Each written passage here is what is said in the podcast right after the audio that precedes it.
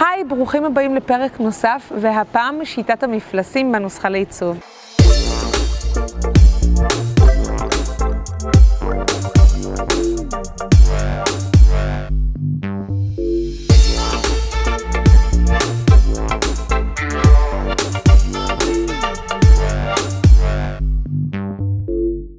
מה אומרת שיטת המפלסים? שיטת המפלסים בעצם מספרת לנו איך אנחנו יכולים לעבוד כמו אדריכל בצורה מסודרת, שאנחנו פועלים קודם כל על ידי מדידת השטח. הדבר השני זה בעצם מדידה ובניית התקציב שלנו שנמצא בהלימה.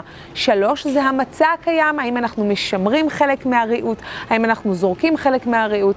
הדבר הרביעי יהיה בעצם דיוק ורכישה של כל המוצרים, גם מבחינת התאורה, גם מבחינת האקססוריז, גם מכל דבר נוסף שאנחנו רוצים לעצב בבית שלנו, והחמישי ביניהם זה בעצם לדעת ולהעמיד את כל החללים לפי ה-DNA האישי שלנו.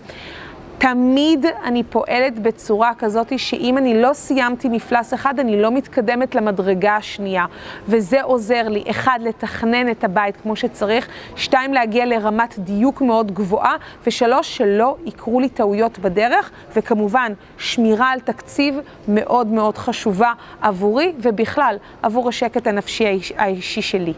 אהבתם את הפרק? יש לי עוד שלושה פרקים מתנה להביא לכם. השאירו כאן את הפרטים למטה, ואנחנו נתראה בפרק הבא.